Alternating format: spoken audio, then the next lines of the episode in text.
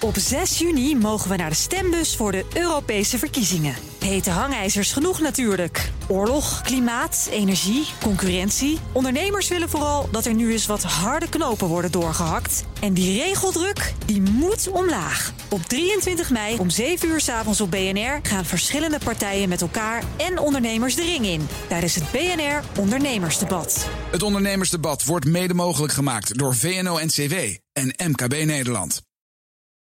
BNR Bouwmeesters wordt mede mogelijk gemaakt door Bouwend Nederland. De bouw maakt het. BNR Nieuwsradio. BNR Bouwmeesters.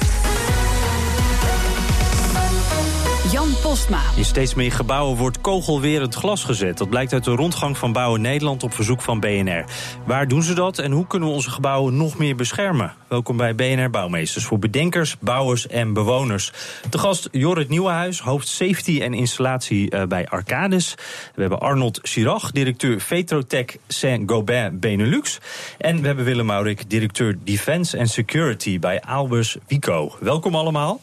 Dankjewel. Laten we even bij u beginnen, Arnold Sirach. Uh, die vraag naar kogelwerend glas die neemt toe. Dat is uh, uw business natuurlijk. Um, hoe sterk is die toename? Wat merkt u daarvan? Nou, Goedemiddag. Uh, die toename is bijzonder hoog de laatste paar jaar. We hebben in, uh, vorig jaar hebben we al een keertje geroepen van uh, we zagen de aantal aanvragen enorm toenemen. Dat hebben we dan ook de laatste jaren, zeg maar 2014 tot 2016, kunnen bekijken. En we hebben vorig jaar een toename gezien van 60 procent in aanvragen, maar ook in orders. Hmm. En ja, daar kan je dus toch uit opmaken dat de, de, de, het gevoel van onveiligheid toeneemt. Ja, want dan moet ik meteen denken aan uh, dreigingsniveau. Is dat dan ook een reden? Ja, dat heeft, heeft, heeft, er wel mee te maken. Uh, we zien het ook een beetje terug als je naar de, de, de, de landen om ons heen kijkt. De laatste jaren tot, tot 2014 had men wel een aanslag in Europa. Maar mm -hmm. de laatste twee, drie jaar was het ieder jaar meerdere aanslagen. En uh, daardoor is toch wel de vraag uh, duidelijk toegenomen. Klopt. Ja, Willem Maurik, u bouwt onder meer de Nederlandse ambassades. heeft u ook veel werk te doen, meer beveiligde opdrachten? Zeer zeker. We bouwen niet de ambassade zelf, maar we de beveiligde puien. De beveiligde, ja, inderdaad. Ja, ja, de beveiligde onderdelen. Ja. nee, wij zien ook duidelijk de toename. En dat heeft duidelijk te maken met het uh, dreigingsniveau. Uh, als we kijken van uh, verder in Nederland. de overheidsgebouwen, de, de internationale strafhoven. Mm -hmm. banken en dergelijke. En natuurlijk het Breivik-effect van jaren terug. In Noorwegen bouwen we ook voor de overheid passen we aan aan uh, ja. nieuwe niveau. Dat, dat uh, Breivik, die aanslag, dat, dat was echt een moment waarop u een duidelijke piek al zag. Dat er wat in, veranderde. In Noorwegen, ja. Want Noorwegen ja, ja. gebeurde er eigenlijk amper wat, mm -hmm. of niks soms. En uh, dat is daar toen echt van start gegaan. Ja, uh, Jorrit Nieuwenhuis, bij u, u doet de analyse in dit uh, proces. Ziet u ook meer vraag? Klopt, uh, goedemiddag. En nou, vanuit uh, Arcades als uh, ontwerp- en adviesbureau merken we gewoon dat safety en security by design, noemen we dat dat de vragen over welke risico's spelen er nou bij dit, bij dit specifieke project, bij dit specifieke gebouw. Um, dat het ook steeds meer gaat over um, de moedwillige verstoring, zoals we dat noemen. Ja, ja dat, is dan, dat zijn dan terroristen uh, of aanslagplegers. Ja, ja maar of ook kleinschaliger. Hè. Dus, dus iemand met een pistool, iemand met een, met een mes. Mm -hmm. um, maar ook dingen als, als, als een brand die nou, of moedwillig kan zijn aangestoken.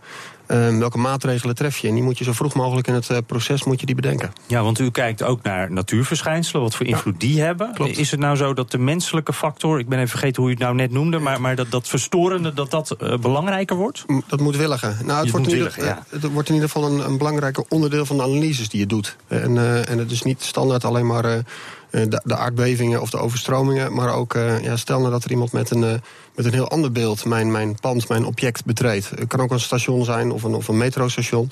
Uh, hoe gaan we daarmee om in, in de, de, fysieke beveiliging? We hebben nu ook de, de poortjes in de, in de grote stations. Mm -hmm. um, ja, bij brand gaan ze open om, om mensen snel te kunnen evacueren. Uh, maar wat doe je als er iemand uh, met, een, met een mes staat te zwaaien? Ja. Hoe ga je ermee om als je hem toch wil oppakken? Um, die scenario's moet je van tevoren bedenken voordat je je ontwerp uitrolt. Nou, nou noemt u misschien wel het moeilijkste geval. Een metrostation lijkt me ja. zo moeilijk om te beveiligen. Klopt, dat is ook zo. En uh, dat betekent ook dat er geen maatwerk is. Er is niet een, een boodschappenlijstje die je afvinkt en nu is het metrostation veilig. Uh, je moet heel erg redeneren vanuit uh, welke omgeving zitten we. welke scenario's zijn hier specifiek aan de hand. in het hartje centrum is dat anders dan, dan ergens in buitenwijken.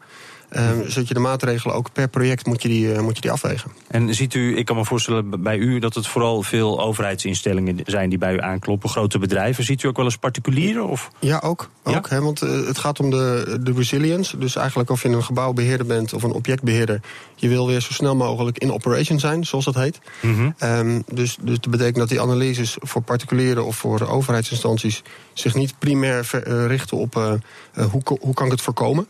Maar ook van, nou, als het dan gebeurt, hoe, kunnen, hoe kan een explosie zorgen dat een, uh, een deel van het gebouw misschien wel wat schade heeft, maar niet het hele gebouw ja, instort? hoe beperk je de schade als er wel iets vervelends Precies, en hoe snel kan de, kan de metro weer rijden als er, een, als er een aanslag is? Ja, kijk, nou, we gaan eens even kijken naar dat extra beveiligde glas waar we ook mee begonnen.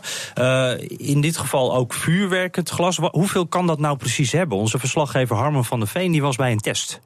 Het wordt goed heet. De temperatuur gaat nu langzaam oplopen. Het zijn blauwe vlammen. Pat, wat hoor ik nou?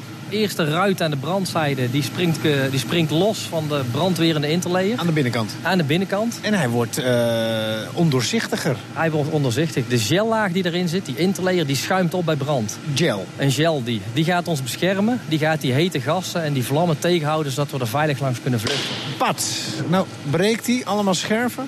Dat ziet er wel mooi uit trouwens. 100.000 kleine stukjes, veiligheidsglas. En dat valt naar beneden? Het glas valt naar beneden toe. En nu gaan we ervoor zorgen dat die gellaag bloot wordt gesteld aan de, aan de hitte van de vuurhaard. Het glas aan de binnenkant, hè? het is natuurlijk uh, dubbelzijdig. Het binnenste glas is nou kapot en het buitenste glas Blijft beschermt ons. Ja. Het buitenste glas zal beschermd worden door de interlayer. En die zal ervoor zorgen dat de brandscheiding intact blijft. En dat we dus veilig kunnen vluchten. Dit is brandwerend glas. Jullie hebben ook kogelwerend glas, inbraakwerend glas. Wie zijn jullie afnemers voor dit extra veilige glas? In Nederland hebben we nu al een aantal uh, ministeries uh, voorzien van uh, speciale dikke kogelwerende en inbraakwerende beglazingen. Om een bepaalde impact van buitenaf tegen te gaan, zodat de medewerkers veilig zijn. Een bepaalde impact, wat kan ik dan aan denken? Ook gewoon terroristische aanslagen? Uh, ja, dan uh, praat men over uh, ja, kogelwering, dus tot aan Kalashnikov toe. maar ook gewoon inbraakwering. denk aan een marinier die aankomt met een, met een bijl en gaat 15 minuten staan hakken op een, op een bepaalde pui, op glas. En dat moet je tegen kunnen houden. Wat, wat ruik ik nu precies?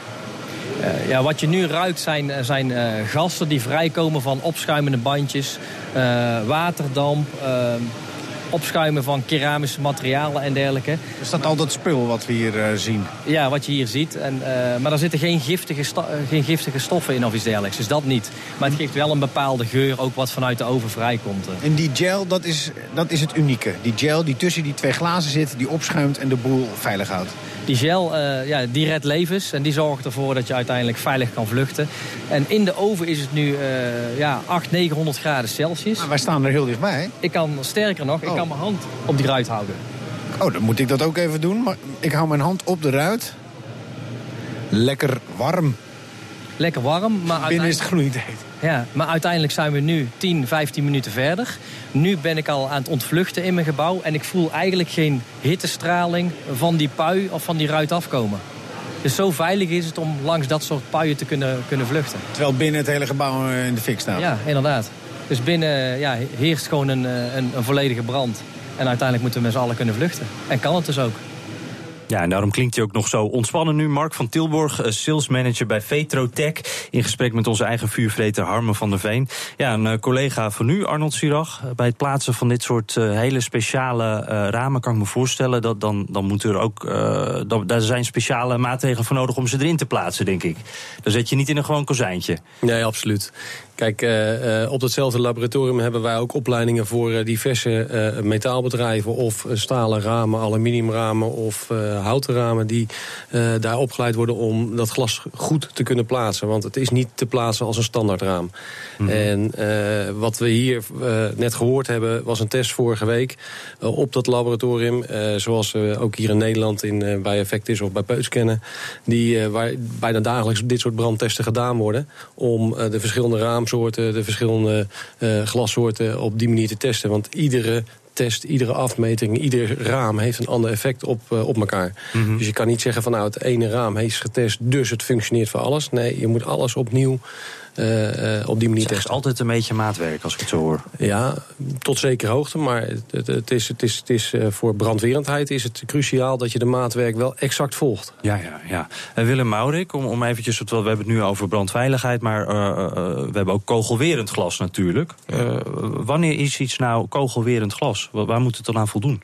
Ja, dat hangt er vanaf van uh, welke minuut je mij wil beschermen.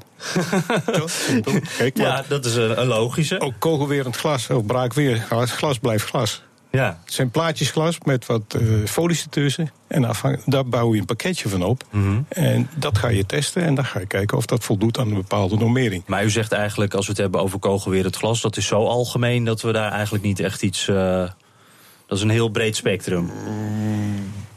Algemeen, nee. Nee. nee, het blijft een specialiteit, zeker voor het produceren. Maar je moet het, uh, het concept moet je zo maken dat het vol, vol ergens aan voldoet. Ja, ja en dat nou laten we aan misschien voldoen, dat, dat komt bijvoorbeeld van de arcades vandaan. Er is een beveiligingsplan opgesteld. Er is een risicoanalyse geweest. Daaruit rolt van, dat is een beveiligingsplan. Ja. Daar moeten we tegen beschermen. En wat gebeurt er dan? En dat is een beetje de, het zere voet bij mij. Van, dan gaat een klakloze norm vorm. En die norm voor glas is bijvoorbeeld dat je drie stukken glas van 50 bij 50 centimeter gaat testen. En dan moet je drie, elke keer drie keer op schieten. Mm -hmm. Nou, wat krijg ik dan in mijn les? Dan voldoet het of voldoet het niet. En wat krijg ik dan in mijn lessen te horen voor uh, securing techniek? En als ze dan vier keer schieten. Ja, dat lijkt me een hele goede vraag. Ja, nou, eigenlijk ja. een hele simpele vraag. Maar dan kom je weer bij de kern terecht. De norm is een uitgangspunt. De norm is ja, ja. vastleggen. Je moet Kijk. vanuit je organisatie kijken van... Wat wil ik bereiken aan mijn beveiliging? Nou, gaan we eventjes naar uh, Arcades, naar Jorrit Nieuwenhuis. Want dat, is, dat lijkt me een hele moeilijke. Dan heb je een norm. En die norm kan dan zijn inderdaad drie keer schieten. Ja, dan wordt er natuurlijk vier keer geschoten. Hoe ga je daar nou mee om? Nou, het, gaat, vooral aan de voorkant over um, wat is een specifiek in dit geval, wat, wat ik jou ook hoor zeggen, specifiek in dit geval um, de, de risicostand. En natuurlijk kun je een basis afspreken als je een norm voldoet. Alleen, um, alleen aan een norm voldoen betekent niet dat je stopt met nadenken. Het gaat, uh, die norm kan een basis zijn. En als je zegt in dit specifieke geval, uh, voor dit scenario uh, wil ik maatregelen treffen, omdat het de beveiliging echt verhoogt, of het veiligheidsniveau echt verhoogt. Mhm. Mm -hmm. um, die discussies moet je aan de voorkant doen voordat je hem uitrolt. En ja. zeker niet alleen standaard uitgaan van een norm. Mm -hmm. um, want dan ben je vergeten na te denken. Ja, want wat ja. me in dit werk ook heel ingewikkeld lijkt... Uh, de, de, die normen veranderen ook steeds een beetje, lijkt Klopt. me toch? Uh, Klopt. Ja, heel concreet voorbeeld, hebben steeds andere... Ja, heel concreet voorbeeld is na 9-11 was um, het decreet... dat alles wat een IT-infrastructuur in een gebouw zit... dat mag niet meer bovenin. Dus dat willen we juist in de kelder. Vervolgens ging heel New York uh, onderstromen. Stond uh, ook bij ons, uh, bij, bij Verizon bijvoorbeeld, de hele kelder vol en de IT-infrastructuur viel uit. En toen was het, ja, het mag niet meer in de kelder, het moet misschien omhoog. Nou, dat is precies de afweging die je voordat je zo'n gebouw ontwerpt uh, wil doen met z'n allen. Ja. Van welk scenario wil ik me tegen beschermen en hoe ga ik dat uitrusten? En, de conclusie en, wordt dan nu ergens, we gaan in het midden zitten om met beide rekening te houden? Is het waarom zo? niet? Hè? Ja, ja. Als het maar niet standaard de norm is, het moet bovenin, want dan stoppen we met nadenken. Ja, ja. Ik wil tenslotte nog eventjes, voordat we naar de reclame gaan, een berichtje meenemen. Er was deze week het bericht dat de Eiffeltoren een muur van glas om zich heen zou krijgen. Dan vraag ik me af, Arnold Sirach, is dat nou een goed idee? Is glas daar ja, ook geschikt voor? Is dat een commerciële vraag? Of? U vindt het sowieso een goed idee natuurlijk. Ja, ja tuurlijk. nou ja, goed, als het, als het mensenlevens kan besparen of, of gewonden kan besparen... is sowieso een goed idee. Laten we dat voorop stellen. Maar zou het voor veiligheid ook de logische optie zijn? Uh, als de mensen op gelijk niveau staan en uh, uh, je schiet vanaf de straat richting de, de, de bezoekersgebieden... waar, de, waar je ziet al die hele grote rij daar bij de Eiffeltoren staan... Ja. Nou ja, dan kan je in ieder geval mensenlevens besparen. Laten we dat voorop stellen. Dus vanuit die optiek. Maar ik heb begrepen dat de architect in de gemeente... of de gemeente, de stad Parijs, die zijn bezig met dat, dat stuk ontwerp. En die hebben daar de eerste fase in, in, in neergelegd en hun wensenpakket. En conform wat, wat Jorik zegt, de eerste wensenpakketten duidelijk gemaakt. En daar worden de eerste tests nu op voorbereid. Dus het is echt wel weer maatwerk mm -hmm. waar men naartoe gaat. En is dit nou iets waarop u uh, zou inschrijven? Zo'n Eiffeltoren beschermen? Mijn collega is er mee bezig, ja. Ah, oké. Okay. Dus er wordt aan gewerkt. ja. Goed om te weten. Arcade is ook nog betrokken? Niet dat ik weet. Nee, kijk ook even links van mij. Bent nee, u. het is nee. alleen maar glas, hè? Ja, ja. Dat, maar het moet ergens in vastgezet worden, dus wie weet. Dan komt u toch weer in beeld. Ja, precies. Ja. zo gaan we het ook verder hebben over dat proces. Hoe maak je nou een super veilig beschermd gebouw? BNR Nieuwsradio. BNR Bouwmeesters.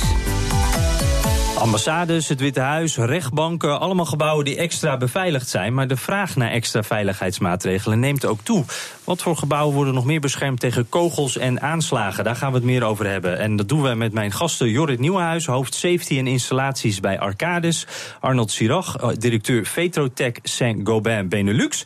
En Willem Maurik, directeur Defense and Security bij Albers uh, Wico. En we hebben eigenlijk dus een beetje van de analyse aan het begin tot de glaszetters, tot de bouwers, hebben we allemaal in één studio. Um, laat ik eerst eens eventjes kijken. Uh, die andere gebouwen. We hebben al veel overheidsgebouwen gehoord. We hebben ook al veel andere voorbeelden gehoord. Wat zijn nou typische, uh, meer particuliere gebouwen? Uh, moet ik dan denken aan bijvoorbeeld bankgebouwen, Jorrit Nieuwenhuis? Of? Ja, stadions, um, evenementengebouwen. En, Sta vallen stadions hier ook onder? waarom niet? Um, er zijn heel veel mensen. dus per definitie een, een trekpleister met mensen met kwade bedoelingen.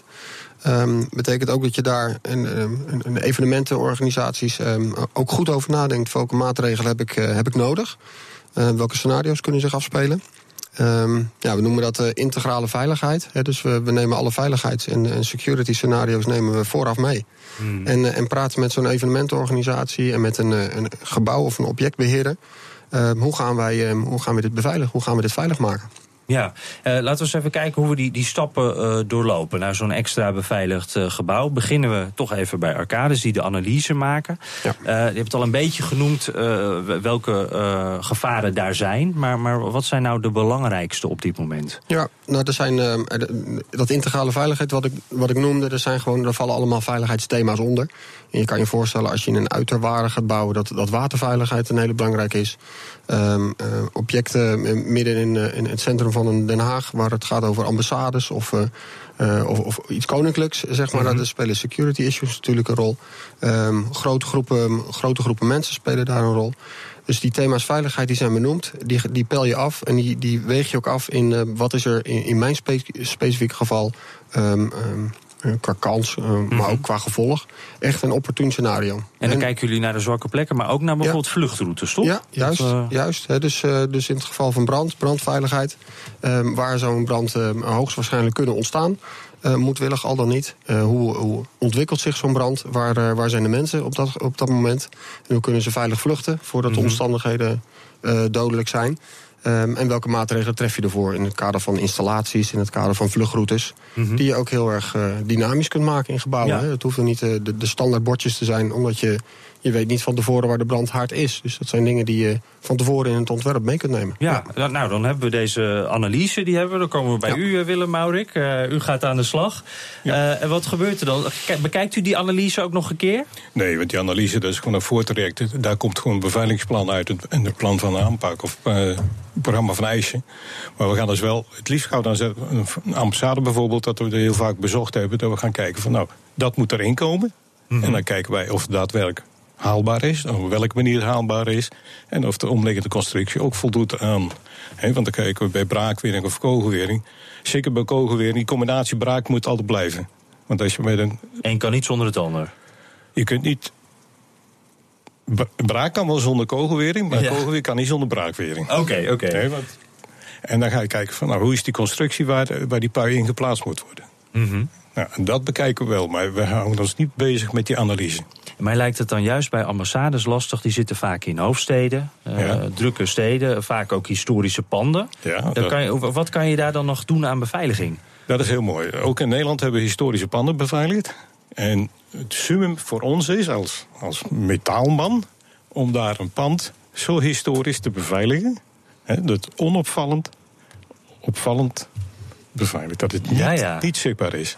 En we hebben hier in Nederland panden staan waar echt een stevige beveiliging zit, maar wat van buitenaf niet zichtbaar is. En welke bent u dan echt heel erg trots op?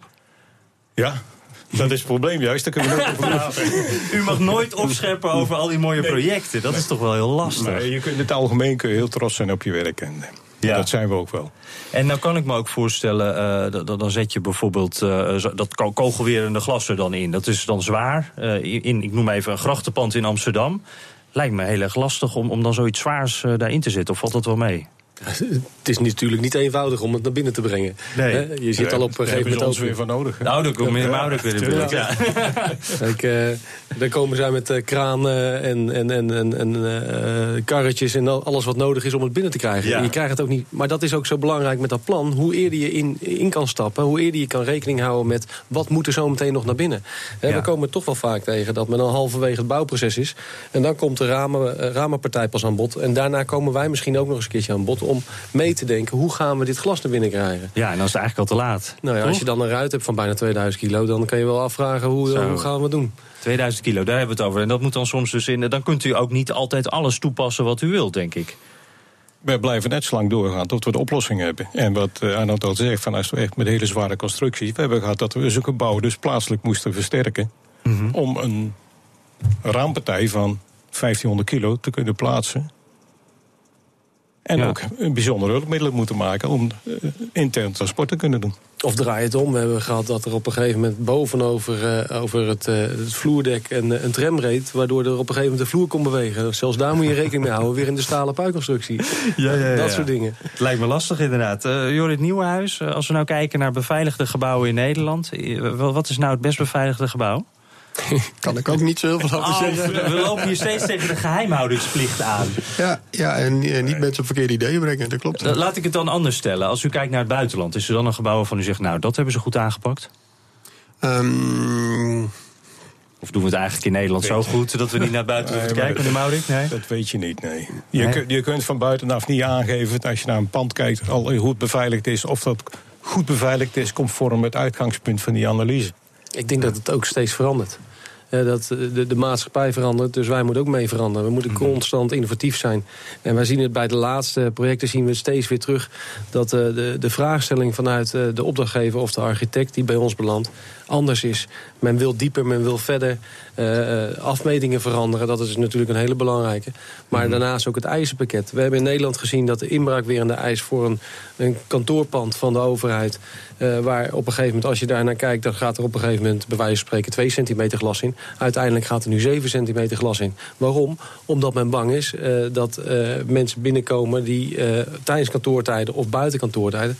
waardoor de, de bedrijfsvoering of de overheid zijn werk niet meer kan doen. Mm -hmm. Ja, oké. Okay. Dus dat, het blijft in beweging in ieder geval. Dank Arnold Sirach, directeur bij Vetrotech Saint-Gobain Benelux. Jorrit Nieuwenhuis, hoofd safety en installaties van Arcades... en Willem Maurek, directeur Defense and Security bij Albers Wico. Vraag het Fred. Ja, en in deze rubriek beantwoorden zoals elke week een bouwvraag van de luisteraar. Met deze week de vraag, ik zou graag een barbecue zelf willen bouwen in mijn tuin. Waar moet ik op letten? Zitten we ook een beetje in de brandveiligheid, dus dat sluit goed aan. Fred, vertel. Ja, zeker. Ja, je kent de Nederlanders. Het wordt weer een beetje warmer en iedereen ja, denkt meteen, ik moet naar buiten op het, uh, en ja. uh, ik wil barbecuen. Nou ja, deze meneer dacht, ik ga hem zelf metselen. Um, eerst bepalen waar je de barbecue wil neerzetten. Uh, vlakke, stabiele grond. Liefst stenen, eigenlijk beter niet op zand, want dan gaat het wiebelen. Um, ja, en ook even rekening houden met de buren. Lijkt me ook wel aardig. Voor de rook. Voor ja. de rook. En dus ook niet te dicht bij de tafel waar je het gaat opeten. Want ja, dan heb je ook last van de rook. Nou goed, daarna uh, is het goed om eerst een rooster te kopen. Dan weet je hoe, hoe breed je barbecue moet zijn. En heel belangrijk is om vuurvaste uh, stenen en uh, uh, cement te kopen. Want anders ja, dan, uh, ga, knal, kan de barbecue knappen. En ja, dat is bouwkundig uh, niet goed. En nee. brandveilig al helemaal niet goed. Ja, en dan maar, kan je vijf rijen ongeveer bouwen. En dan moet je niet vergeten goed te checken of het allemaal waterpas ligt. En of het allemaal recht is. Want als dat niet zo is, dan rollen je worstjes van, ervan af. En dat wil je ook niet hebben. Ja. En dan ook even overdwars af en toe de stenen plaatsen na vijf rijen. Want dan kan je daar het eerste rooster op leggen waar je de kolen op kan leggen. Ga je nog een stukje hoger en nog een keer overdwars... zodat je ook nog het rooster goed kan leggen. En dan kan je zelf kijken hoe uitgebreid je eromheen bouwt... en wat je nog allemaal voor moois eraan wil maken. Nou, fantastisch. Deze hele handleiding, uitgetekend door Fred zelf... vindt u op onze website. Nee, grapje hoor. En het moet nog even stoppen met regenen natuurlijk. Dan ja, kunnen we ook echt, ook handig, echt gaan ja. barbecue. Uh, dank Fred. Tot zover deze uitzending van BNR Bouwmeesters. Op bnr.nl slash bouwmeesters kunt u hem helemaal terugluisteren. En we zitten natuurlijk ook op Twitter. Dus hebt u tips voor ons? Bijvoorbeeld een vraag aan Fred, BNR Bouw... of mail naar bouwmeesters.bnr Dank voor het luisteren. BNR Bouwmeesters wordt mede mogelijk gemaakt door Bouwend Nederland. De bouw maakt het.